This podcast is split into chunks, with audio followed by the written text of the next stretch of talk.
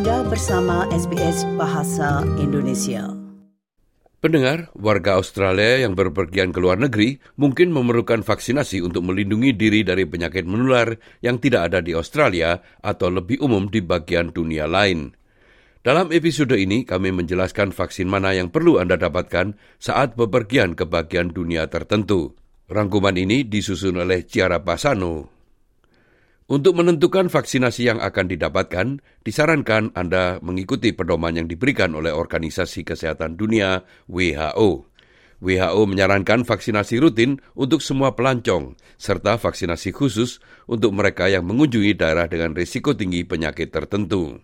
Jane Froley, Associate Professor di School of Public Health di Fakultas Kesehatan di Universitas of Technology Sydney mengatakan, Bepergian dapat membuat orang terkena penyakit menular yang serius yang tidak ditemukan di Australia. The last thing you want on holidays is to be sick. And traveling to different parts of the world definitely exposes you to infectious diseases that aren't necessarily even in Australia or aren't common in Australia. And some of these are things like TB, typhoid, rabies, yellow fever, for example. Risiko kesehatan bervariasi dari satu daerah ke daerah yang lain dan dari waktu ke waktu.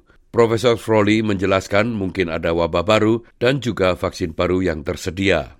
Other countries around the world have diseases that are much more prevalent and sometimes endemic to that country, which means that those diseases are entrenched in those countries. And these can be diseases that, that your body and your immune system may not have ever seen before. So having a vaccine is really important so that if you do come into contact with it, you'll be protected.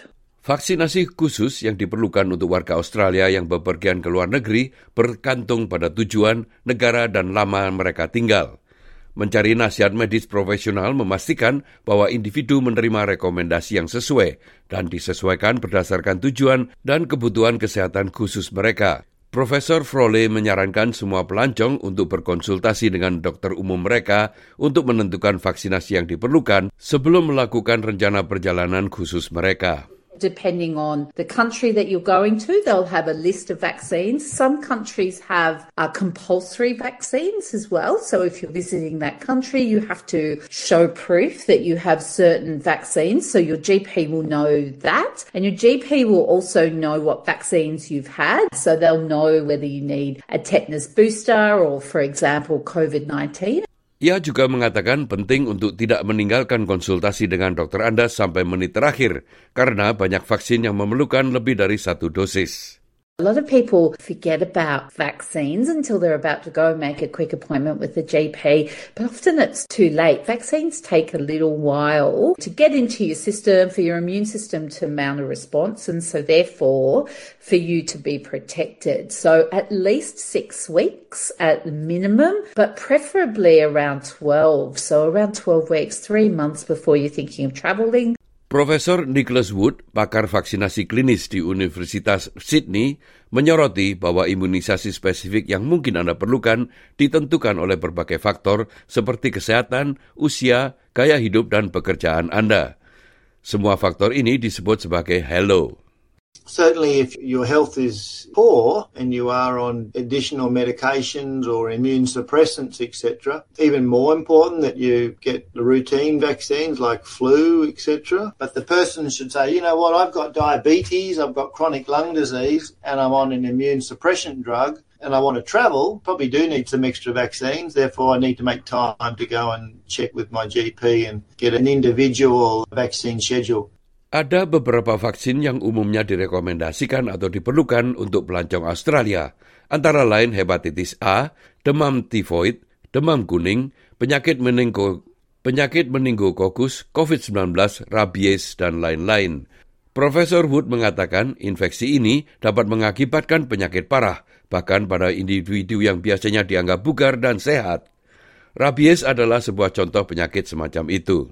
Having a vaccine for rabies is really important depending on where you're going because there's no treatment for rabies. So if you get rabies, you basically can get very, very sick. Parts of the countries where there might be infected dogs or even bats, you can be bitten. Profesor Nicholas Wood juga merupakan spesialis staf senior di National Center for Immunization Research and Surveillance atau NCIRS. Ia mengatakan ada vaksin lain yang tersedia yang berpotensi mencegah orang jatuh sakit parah. Typhoid is also an important one. You know, there are often people admitted to hospital with typhoid blood poisoning. We can treat that with antibiotics, but it will really ruin your holiday. Sometimes you can end up being hospitalized with typhoid. Meningococcal meningitis is nasty can cause meningitis, blood poisoning, and can be very, very severe. Japanese encephalitis is also a key vaccine. Again, really depends on where you're traveling. Anda juga mungkin memerlukan booster jika vaksinasi yang Anda terima itu sudah lama yang lalu.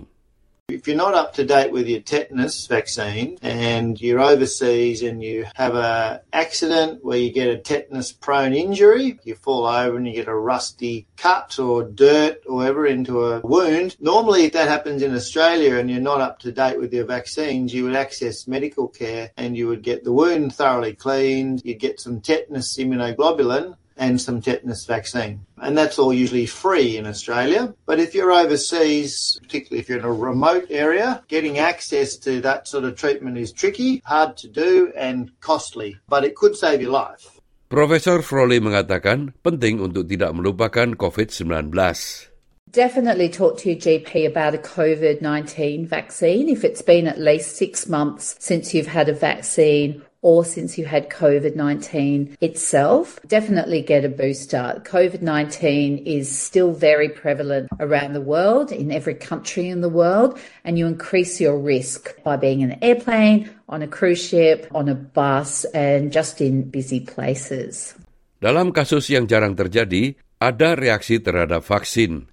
Jika khawatir tentang efek sampingan dari vaksin itu, Anda harus berkonsultasi dengan dokter Anda. Efek samping dapat dilaporkan dan didiskusikan dengan menghubungi Adverse Medicines Events Line pada nomor 1300 Medicine atau 1300 633 424. Bagi mereka yang menerima vaksinasi di luar negeri, perlu mencatatnya di Australian Immunization Register atau E sebelum memperoleh sertifikat. Hanya Profesor Medis Australia yang dapat menambahkan catatan ke R itu. Anda dapat meminta bantuan dokter umum atau praktisi medis lainnya. Demikianlah tadi rangkuman yang disusul oleh Ciara Pasano untuk SBS News dan disampaikan oleh Ricky Kusumo. Sukai, berbagi, komentar. Ikuti SBS program Bahasa Indonesia di Facebook.